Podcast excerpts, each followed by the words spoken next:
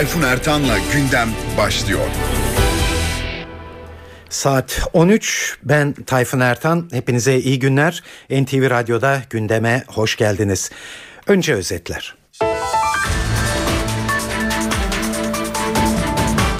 Dün gezi olayları nedeniyle yapılan polis baskınlarında gözaltına alınan yüze yakın kişinin İstanbul ve Ankara'da sorgulamaları tamamlandı, zanlılar savcılıkta. Ulaştırma Bakanı hükümetin sosyal medyaya sınırlamalar getirecek bir çalışma içinde olmadığını söyledi. Yıldırım çalışmanın siber suçlarla mücadele kapsamında olduğunu belirtti. Başbakan yardımcısı Bülent Arınç duran adam eylemleri için anlayışla karşılamamız gerekir dedi. AKP'nin eski Kültür Bakanı Ertuğrul Günay gezi olayları ile ilgili sürecin iyi yönetilemediğini söyledi. AK Parti tabanında ve derin vicdanlarda kendisi gibi düşünen ve hissedenler bulunduğunu ileri sürdü.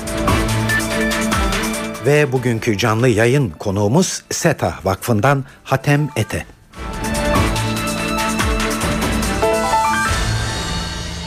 Şimdi ayrıntıları geçiyoruz. Gündeme Gezi Parkı eylemlerinden sonra dün gelen baskınlar ve gözaltılarda son durumun ne olduğuyla başlıyoruz. Dün ülke genelinde onlarca noktaya yapılan polis baskınlarında yüze yakın kişi gözaltına alınmıştı. İstanbul ve Ankara'da bu kişilerin emniyetteki sorguları tamamlandı ve zanlılar savcılığa sevk edildi. Ayrıntıları NTV muhabiri Deniz Tüysüz anlatıyor. Gözaltına alınanların bir kısmı sabah saatlerinde İstanbul Adalet Sarayı'na getirildi. 94 kişi getirildi.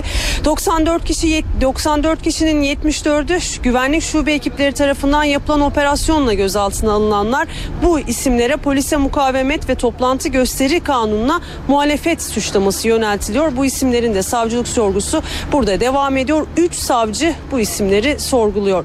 20 kişi diğer 22 20 kişi ise organize şube müdürlüğünün gözaltına altına aldığı isimler bu 20 kişi arasında çarşı taraftar grubu olan çarşının üyeleri de bulunuyor. Ve bu 20 kişiye isnat edilen suçlar ise çıkar amaçlı suç örgütü üyeliği bu suçlamayla işte savcılık sorgusu devam ediyor. 20 kişiye bakan savcı ise Ergenekon ve Dink soruşturmasını yürüten savcı Muammer Aktaş. Bu sorgular bittikten sonra eğer savcı karar verirse ya serbest bırakacak ya da tutuklama talebiyle mahkemeye sevk edecek şu saat itibariyle sorgu işlemleri devam ediyor. Twitter ve Facebook gibi sosyal medya araçlarının kullanımı Gezi Parkı olayları sırasında hükümet ve bizzat Başbakan Tayyip Erdoğan tarafından çok eleştirilmişti. Dün de bu medyada düzenlemeye ya da kısıtlamaya gidileceği yönünde haberler artmıştı. Böylesi bir hazırlık olup olmadığı bugün Bakanlar Kurulu'nun bu konudaki en yetkin ismine Ulaştırma Bakanı Binali Yıldırım'a soruldu. Yıldırım bir çalışma olduğunu doğruladı ancak bunun sosyal medyayı sınırlandıracak nitelik taşımadığını söyledi. Binali Yıldırım çalışmanın siber suçlarla mücadele kapsamına girdiğini söyledi. Kişisel bilgiler, insanlarımızın kişisel bilgileri, özellerine ait bilgiler, devletin kritik altyapısında bulunan bilgiler. Bütün bu bilgiler emniyet altında olması lazım. Bunlara yapılabilecek her türlü saldırıyı önceden öngörmek, tahmin etmek ve tedbir almak. Daha sonra eğer her halükarda da saldırı gerçekleşmiş ise de bunun sorumlularını bulup ortaya çıkarmak ve cezalandırmak diye özetlenebilir. Siber güvenlik, siber suçlarla mücadele. Yaptığımız çalışma budur. Sosyal medyadır, paylaşım siteleridir. Bunlara yönelik hasreten bir çalışma mevcut değildir. Sosyal medyanın özgürlük alanı olarak alabildiğince faaliyet göstermesine hiçbir şekilde karşı çıkmak, engellemek doğru bir şey değildir. Ama ne gerçek hayatta ne de sanal dünyada insanları mağdur edecek, suç işleyecek faaliyetleri yapma serbestisi de olamaz. Nasıl sokakta insan öldürürseniz bir cezası varsa sosyal medyada da insanı ölüme teşvik ederseniz, intihara azmettirirseniz bunun da bir cezası var. Veya kumara teşvik ederseniz bunun da bir cezası var. Suç her yerde suçtur. Cezasız kalırsa kamu düzeni de devam etmez, kargaşa hakim olur. İşi dönüp dolaştırıp sosyal medyaya yasak geliyor noktasına getirmek doğrusu çok büyük haksızlıktır. Böyle bir şey yok ama gerçek alemde de sanal alemde de suçları önlemek, suçlularla mücadele etmek demokratik hukuk devleti olan her ülkenin yapması gereken şey. Yapılmak istenen de budur. Bu bakımdan işin oraya buraya çekilmesine hiç hacet yok. Özgürlüklere sonuna kadar evet ama başkalarının özgürlüğünü, dünyasını karartmaya asla ve asla izin vermemek. Özel hayata müdahaleye asla izin vermememiz lazım. Bazı konular mevcut yasalarda tanımlanmamış olabilir. Belki yapılması gereken uygulama açısından yanlış noktalara gitmemek için bu yasalara sanal alemle ilgili bölümleri de güncellemek gerek. AK Parti Genel Başkan Yardımcısı Hüseyin Çelik de sosyal medya konusunda kimse bizden yasaklama beklemesin. Medeni ülkelerde bu iş nasıl kayıt altındaysa öyle olacak. Avrupa Birliği standartlarına aykırı bir şey yapmayız dedi. Cumhurbaşkanı Abdullah Gül de dün bu konuda Avrupa standartlarının gerisine düşülmemesi gerektiğini temenni etmişti.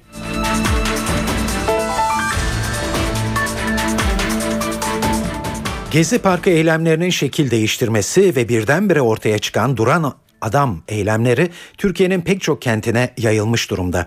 Dün akşam Taksim Meydanı'nda ve İstiklal Caddesi'nde bir ara yüzlerce kişinin ya bir şeyler okuyarak ya da el ele tutuşarak bu yeni eyleme katıldığı görüldü.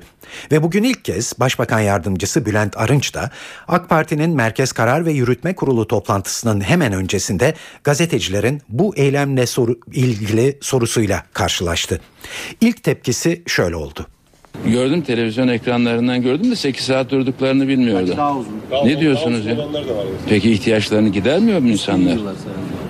O zaman durmuyorlar yani. Ya duruyorlar bisküvi yiyorlar. Efendim Arkadaşlar yani bu e, dikkatimi çekiyor bir iki günden beri ama bu kadar uzun süre ayakta kaldıklarını hiçbir ihtiyaç gidermeden maşallah rekor onda yani. Değerli arkadaşlar yani bu e, bir şiddet eylemi değil bu gayet göze de hoş gelen eğer bir eylemse bir eylem türü bir barışçı eylem türü bunu kınayacak halimiz yok. Bu çünkü içinde şiddet barındırmayan bir eylem usulüdür. Ama yapanlar açısından şuna dikkat edilmesini arzu ediyorum. Bir, mutlaka oralarda yani geliş geçişleri engelleyecek toplumun birlikte bulunduğu mahallelerde belki de bu trafiğe izinle imkan vermeyecek şekilde kesinlikle olmamalı. Bir de kendi sağlıkları önemli. Yani bir insan bir ayakta ayak üstünde nasıl bu kadar saat kalabilir? Demek ki bel veya boyun fıtıkları yok bunlarda. Çünkü ben yarım saatten fazla ayakta kaldığımda boyun fıtığı olduğum için maalesef oturmak ihtiyacını hissediyorum. Sağlıklarına bir zarar gelmesin. Onları seviyoruz. Ama bu eylemleri anlamlıdır. Ve bu eylem türlerini teşvik etmemiz de gerekir. Çünkü bunlar özünde şiddet barındırmayan ama durdukları halde mesaj veren ve o mesajları anlayışla karşılamamız gereken bir unsurdur. 8 saat diyor arkadaşımız eğer zarf atmıyorsa 8 saat uzun bir süre. 8 saat bir insan ayakta kalmamalı. İhtiyaçları olabilir. Bu ihtiyaçlarını giderecektir. Bence 5 dakika durmalı. 6. dakikada işine gitmeli. Bu insanların işi mi yok? 8 saat nasıl ayakta durabiliyor?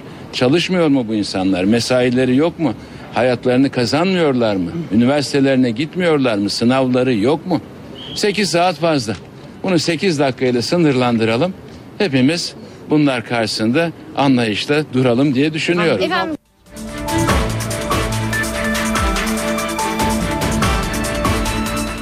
Adalet ve Kalkınma Partisi'nin eski Kültür Bakanı Ertuğrul Günay partisine eleştiriler getirdi. Gezi olayları ile ilgili sürecin iyi yönetilemediğini belirtti. Günay, AK Parti tabanında ve derin vicdanlarda kendisi gibi düşünenler ve hissedenler bulunduğunu ileri sürdü. Son olarak eylemlere son verilmesinin doğru olacağını ifade etti. Elbette ben AK Parti'ye e, çok zor dönemlerde biliyorsunuz geldim. E, seçkincilerin toplumu korkutmaya kalkıştığı bir dönemde geldim. Hangi amaçla, hangi niyetle olursa olsun bir başka korku döneminde de sesimi ya da korkutma çabası karşısında da sesimi kısmak niyetinde değilim ve AK Parti'nin çok büyük bir kitlesinin derin vicdanının benim gibi düşündüğünü zannediyorum. Basit ama iyi yönetilemeyen süreçte sanki iktidara karşı bir ayaklanma, bir iktidar değiştirme e, hevesi ve hayali ürettiler. Birlikte barış içinde yaşama duygumuz, yurttaşlığın temeli olan duygudaşlık ciddi biçimde zarar gördü ve böyle devam ederse zarar görecek. Husumet, şiddet ve nefretle yönetim olmaz. Geçmişteki mağduriyetlerimiz ve uğradığımız haksızlıkların etkisiyle toplum içinde gerginlik ve geçmişe dönük husumet ve nefret yaratan bir dili kullanmamız adil bir yönetim anlayışıyla bence bağdaşmaz. Demokrasiye ve demokratik bir hukuk devletinde siyasal iktidarın ancak seçim yoluyla değişebileceğine inanan yurttaşlarımız da artık bundan sonra lütfen evlerine dönmeliler. Elbette düşünce özgürlüğü, elbette insanların düşüncelerini yasalara uygun biçimde ifade etme hakları var. Ama bu saatten sonra dışarıda şu ya da bu biçimde polisin güvenlik gücünün müdahale etmesini haklı kılabilecek olan bir eylem demokrasiye ve özgür toplum idealine hizmet etmez. Tam tersine daha otoriter, daha baskıcı bir yönelişe yönelmeye gayret edenlerin amaçlarına hizmet edebilir. Bunları içeride söylemem, dışarıda söylememem konusunda telkinler var. İyi niyetli arkadaşlarımızın bir kısmı e, bu telkinleri yapıyorlar. Ama ben e, gördüğü yanlışa itiraz edebilen insanlar seslerini topluma duyururlarsa burası demokratik bir siyasal kurumdur görüntüsü vereceğine inandığım için bu tavrımla da AK Parti'ye katkı yaptığımı sandığım için bunları herkesle paylaşıyorum. Gezi protestoları meclisin de gündemine geliyor. AK Partili vekiller olayları mercek altına alacak bir meclis araştırma komisyonu kurulması için önerge vermeye hazırlanıyor. Kurulması istenen komisyon gezi olaylarını, polis müdahalelerini ve yaşanan can kayıplarını inceleyecek.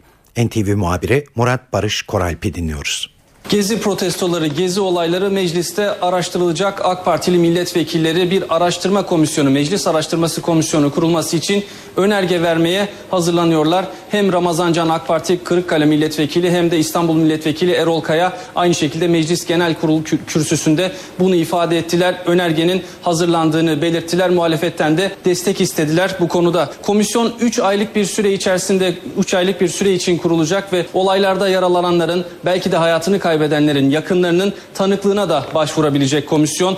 Tanıklar çağrılacak. Temsil oranı şöyle olacak. 17 kişiden oluşması, 17 milletvekilinden oluşması bekleniyor bu komisyonun. 10 AK Partili üye olacak, 4 CHP'li, 2 MHP'li, bir de BDP'li üyesi üye olması bekleniyor komisyonda. Komisyon önergesini AK Partili milletvekilleri vermeye hazırlanıyor ancak CHP'nin hali hazırda meclise sunduğu aynı maksatla sunduğu bir araştırma önergesi vardı. Bugün genel kurulda e, görüşüldü ve yine AK Partili e, milletvekillerinin oylarıyla bu komisyonun kurulması hayır oylarıyla reddedildi. Bunun gerekçesini AK Partili Çevre Komisyonu Başkanı Erol Kaya CHP gezi olaylarını, gezi protestolarını istismar ediyordu. Onun için CHP'nin önergesine destek sunmadık gerekçesiyle açıkladı. Önergenin verilmesi bir iki gün süre alacak ancak önümüzdeki günlerde bir komisyon kurularak Gezi Parkı olayları mecliste enine boyuna araştırılacak. Saat 13.17 NTV Radyo'da gündem programını e, dinliyorsunuz. Şimdi yayınımızda bir canlı yayın konuğumuz olacak.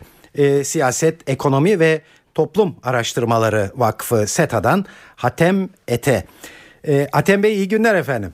İyi günler, iyi yayınlar. Atem Bey ben sizin yazdıklarınızı, e, söylediklerinizi takip ediyorum ve her tarafın e, bu olaylardan ne gibi dersler alması gerektiğine değiniyorsunuz.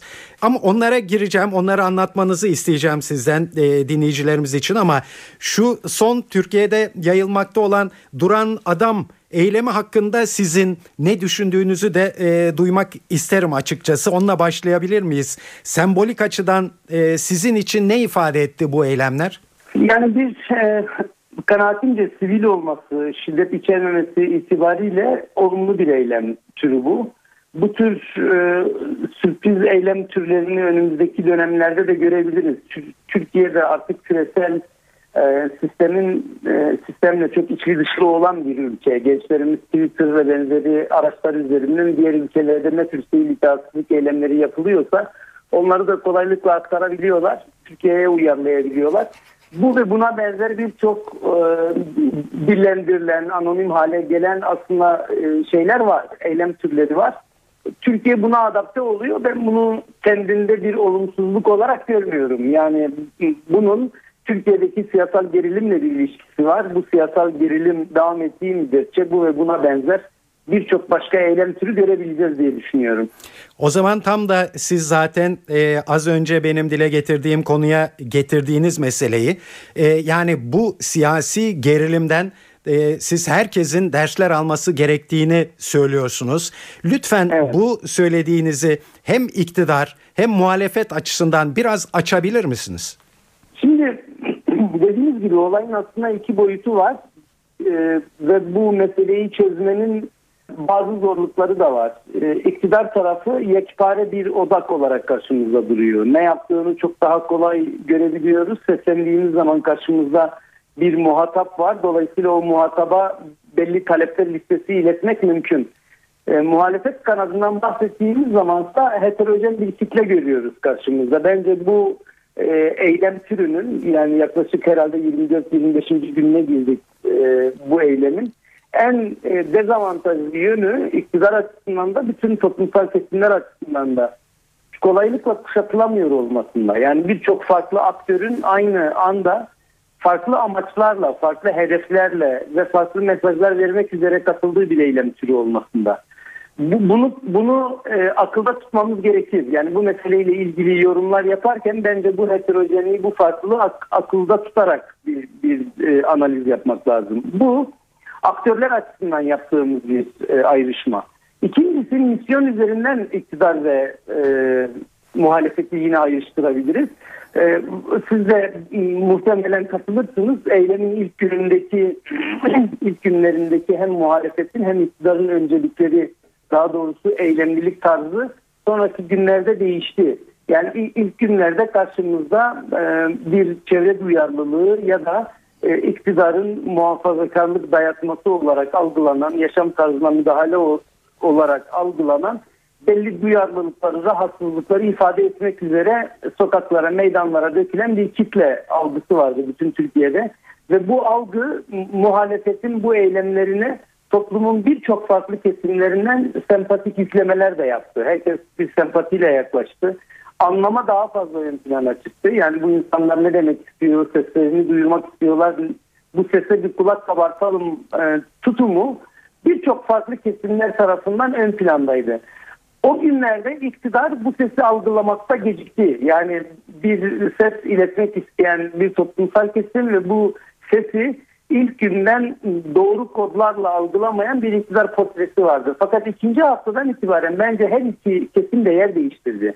İkinci haftadan itibaren iktidar kendisine yönelen telkinlerle de kendisinin de yaptığı gözlemlerle karşısında bir duyarlılığı dile getiren kitle olduğunu anlamaya müsait bir hale geldi. Ama o günlerde bu sefer karşımızda muhalefet katmanı artık içerisinde sadece duyarlılık ifade eden kesimlerin ötesinde bu e, şemsiye altında e, tamamen iktidarı yıpratmaya yönelik e, bir amacın ön planda olduğu başka kesimlerin de işgaline uğradı diye düşünüyorum. Yani yan yana e, bu bu çevreler boşalttı ve yerini bunlar doldurdu diye söylemiyorum bu çevreler orada dur, dururken yanlarına çok daha örgütlü kesimler geldi. Mesela bunu isimlendirebiliriz de isterseniz. E, illegal örgütler bulaştı buna. E, toplumun birçok farklı kesiminde Alevilerin ön planda olduğu ve aslında bir mezhep geriliminin dışa vurumu olarak e, benimsememiz gereken, görmemiz gereken toplumsal kesimler buna katlandı. Ulusalcı sınıflar katıldı buna. Yani öteden beri zaten iktidarla ve Türkiye'de yaşayan demokratikleşmeyle problemi olduğunu ifade eden kesimler de buna katıldı.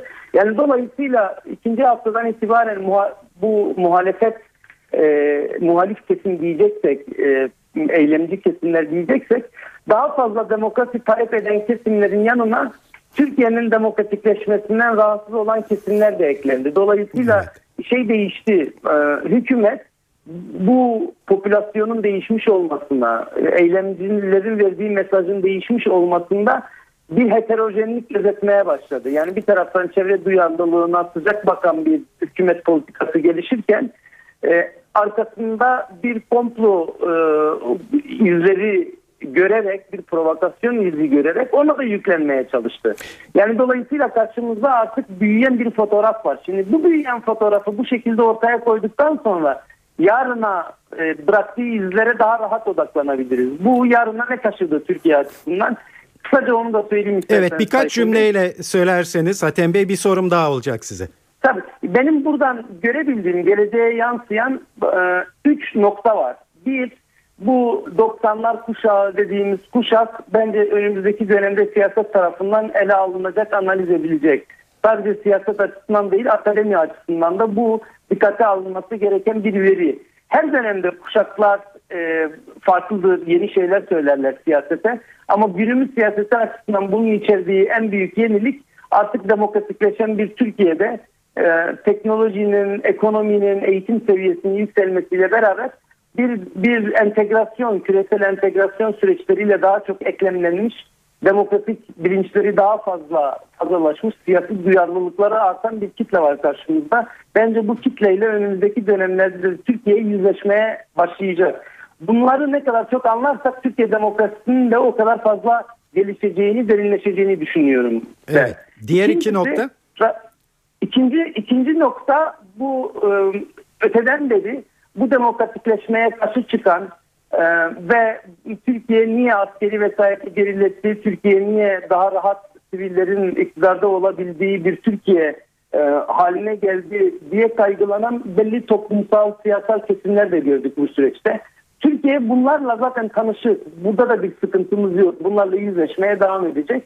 Üçüncü ve ben, beni asıl ürküten mesele bu muhalefet ekseninin kolaylıkla ideolojik bir fay hattına da yerleşiyor olması. Yani Türkiye'de bir laik yaşam tarzı, dindar yaşam tarzı geriliminin çıkmaya başlaması ya da bir Alevi-Sünni fay hattının daha fazla tetiklenmesi siyasetin ve akademinin, düşünce dünyasının, kanaat önderlerinin önümüzdeki süreçte bence en tedirgin olmaları gereken, en hassas davranmaları gereken şey bu e, tetiklenen fay hatlarını tekrar nasıl örtebileceğimiz, bu biriken enerjiyi nasıl tekrar boşaltacağımıza yönelik olmalı. Evet, bu o, noktada o... iktidara düşen bir demokratikleşme paketi açmak, yani bütün bu süreçte hem üslup ve politikaya yansıyacak şekilde kuşatıcı bir politika geliştirmek, hem e, laik hassasiyetleri e, rahatlatmak için, tepkileri bildirmek için hem de Alevi kesimin var olan rahatsızlıklarını gidermeye yönelik kapsamlı bir demok demokratikleşme paketi açıklamak.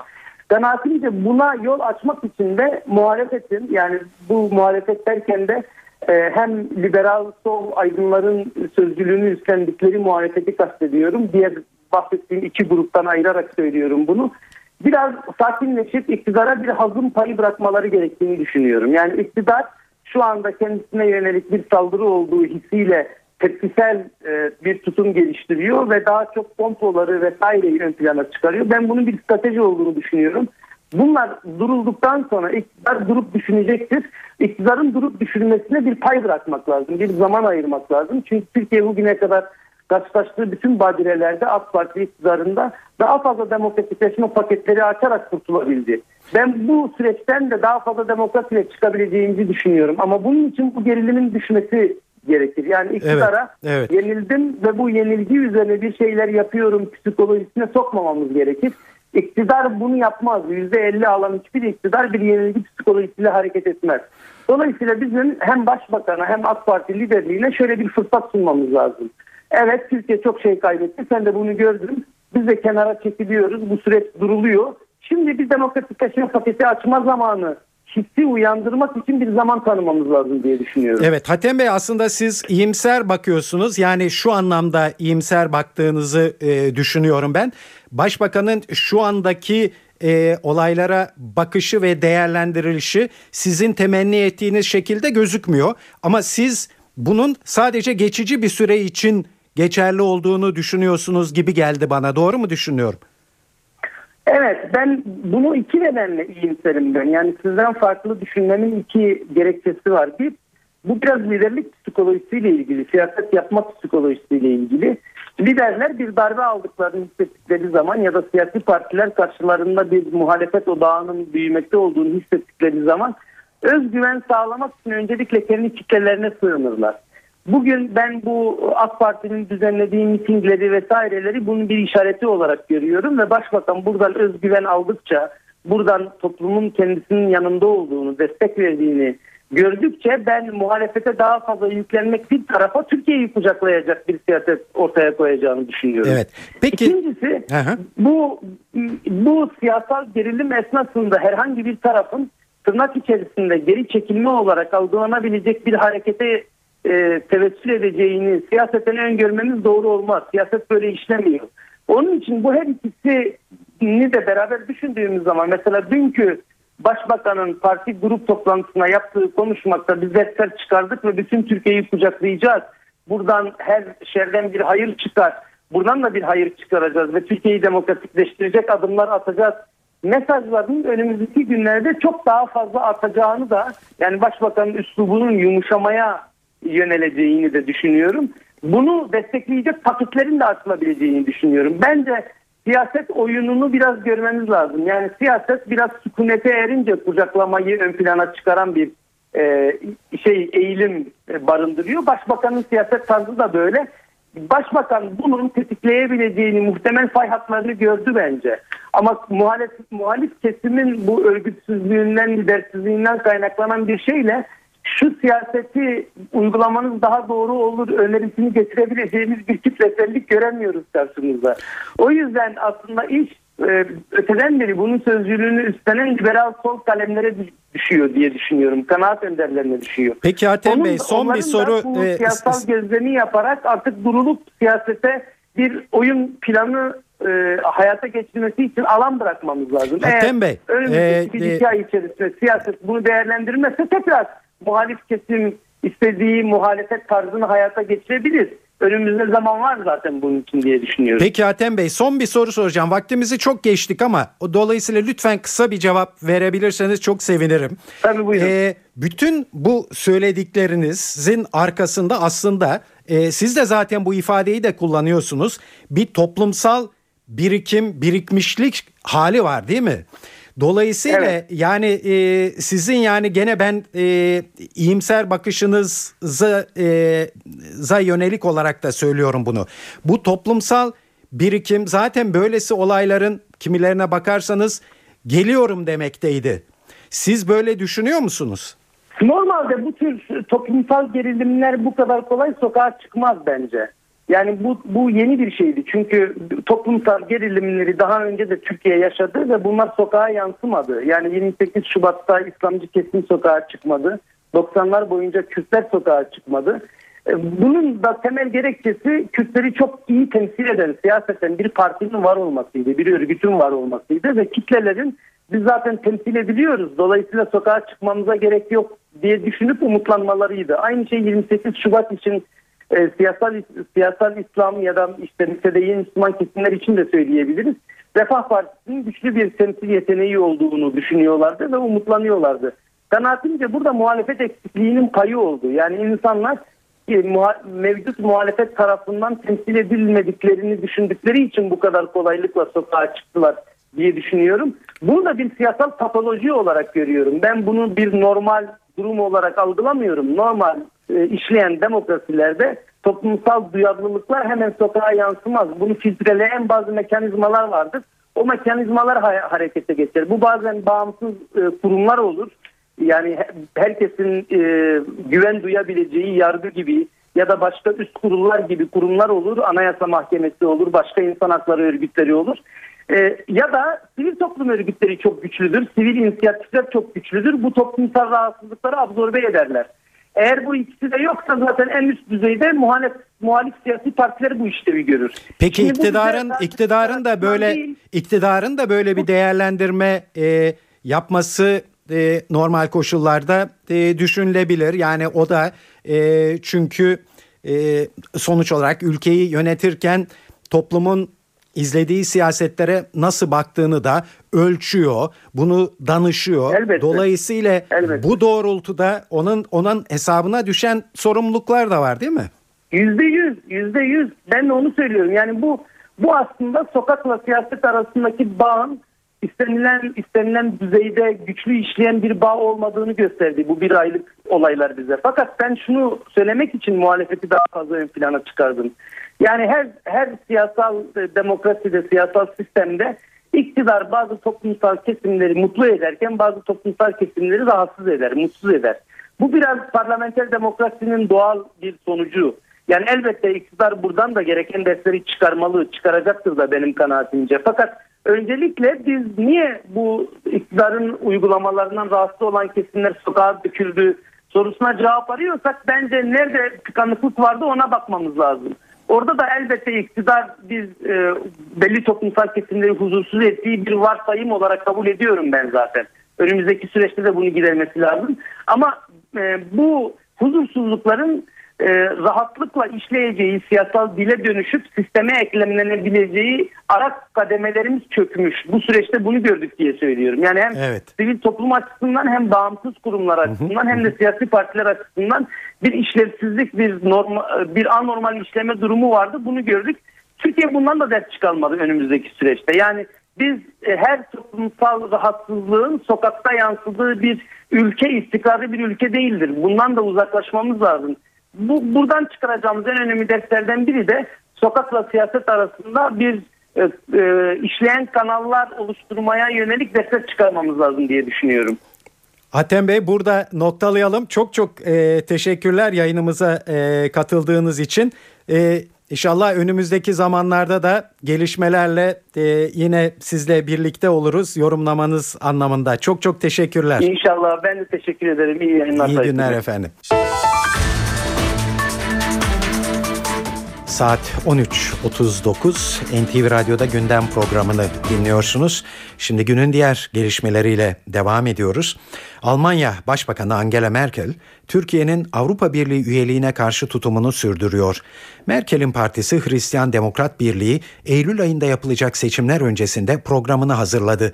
125 sayfalık seçim programında Türkiye'ye de yer ayrıldı.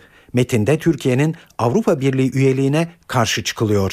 Hatta metinde Türkiye Avrupa Birliği ilişkilerinde daha önce benimsenen imtiyazlı ortaklık terimine bile yer verilmedi. Metinde sadece Avrupa Birliği ve Türkiye arasında güçlü bir işbirliği arzusundayız. Aynı zamanda dış konular ve güvenlik hususunda da yakın stratejik işbirliğinden yanayız denildi. Parti metninde Türkiye'nin Avrupa Birliği'ne katılım için gerekli kriterleri karşılamamasından dolayı tam üyeliğine karşıyız. Bu ülke büyüklüğü ve ekonomik yapısından ötürü Avrupa Birliği'ne fazla yük getirecektir ifadesi yer aldı.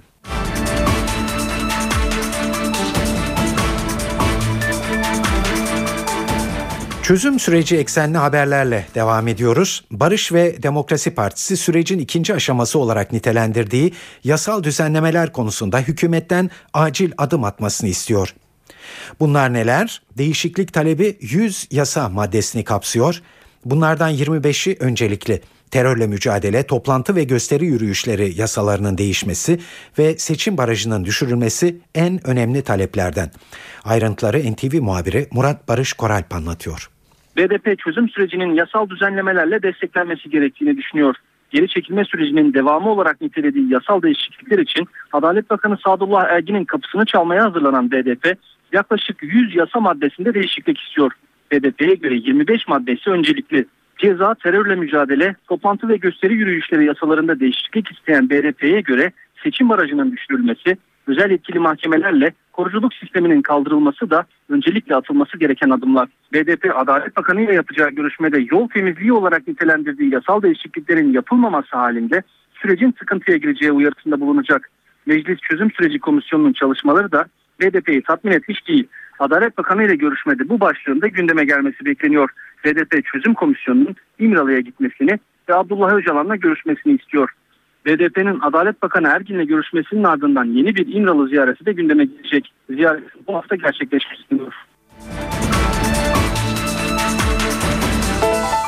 Türkiye'nin dört bir yanında çözüm sürecini anlatan ve halkın nabzını tutan Akil İnsanlar Heyeti çalışmalarını tamamladı. Heyet izlenimlerini rapora döktü. Akil insanlara göre çözüm sürecinin kalıcı olabilmesi için demokratik ve sivil yeni bir anayasanın hazırlanması gerekiyor. 7 bölgede görev yapan heyetler hazırladıkları raporları önümüzdeki günlerde Başbakan Erdoğan'a sunacak. Raporlarda bölünme korkusunun yerini değişim beklentisinin aldığı vurgusu öne çıkıyor. Marmara Bölgesi heyeti Profesör Deniz Ülke Arıboğan kesinlikle yeni bir anayasaya ihtiyaç var. En azından bazı maddelerin değiştirilmesi gerekiyor. Yeni bir anayasayı baştan yapabilecek bir meclis yapımız var mı? Pek emin değilim. Bazı maddelerin değiştirilmesi bile önemli bir gelişme olur diye konuştu. Karadeniz Bölgesi Heyeti Başkanı Yusuf Şevki Hakyemez, bu aynı zamanda meclis için de bir sınavdır. Karadeniz'de gittiğimiz yerlerde pek çok konuya vurgu yapıldı ancak anayasa bunların başını çekiyor diye konuştu.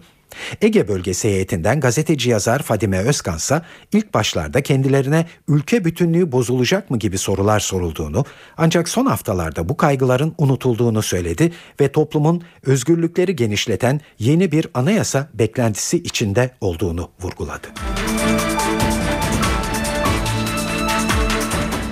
Brezilya'da otobüs zamları ve yüksek kamu harcamalarına tepki olarak başlayan gösterilerde 6. güne girildi. Brezilya'nın ondan fazla şehrinde yüz binlerce gösterici yer yer şiddet içeren protesto gösterileri düzenledi. Brezilya Devlet Başkanı Dilma Rousseff şiddete başvuran protestocuları kınadı ancak barışçıl gösterileri haklı bulduğunu belirtti. Rousseff protestocuların taleplerini dinlemek gerektiğini de söyledi. Yüz binlerce genç Brezilyacılar, Brezilyalıların haklarını aramasından duygulandığını belirten Rousseff, gösteriler sonrası Brezilya demokrasisinin güçleneceğini savundu.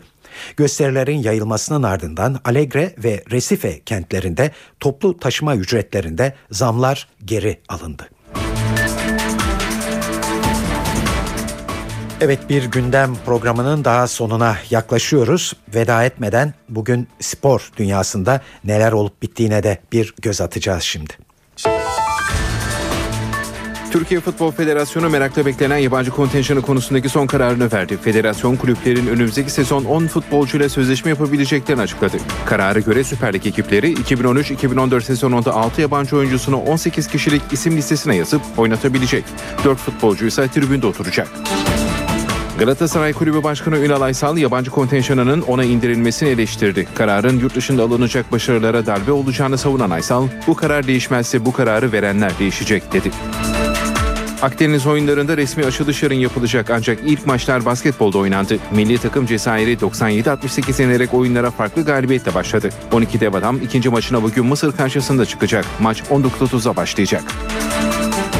FIBA geçtiğimiz günlerde Fenerbahçe Ülker ve Beşiktaş'la birlikte 5 Türk kulübüne transfer yasağı getirmişti. Beşiktaş, eski oyuncusu Zoran Ersek'in kulüpten alacağını ödedi. Ardından FIBA'ya yapılan başvuruyla yasak kaldırıldı. Miami Heat pes etmedi. NBA final serisinin 6. maçında Miami Heat sahasında San Antonio Spurs'u uzatma sonunda 103-100 yenerek seride durumu 3-3'e getirdi. NBA'de şampiyonluğu belirleyecek 7. maçı Cuma sabahı yine Miami'de oynanacak. Evet gündem programının sonuna e, geldik. Saat 13.46. Bu yayının editörlüğünü Sevan Kazancı, stüdyo teknisyenliğini Ceyhun Hoşol yaptı. Ben Tayfun Ertan saat 18'de eve dönerken haberlerde yeniden bir arada olmak umuduyla hepinize iyi bir gün diliyoruz.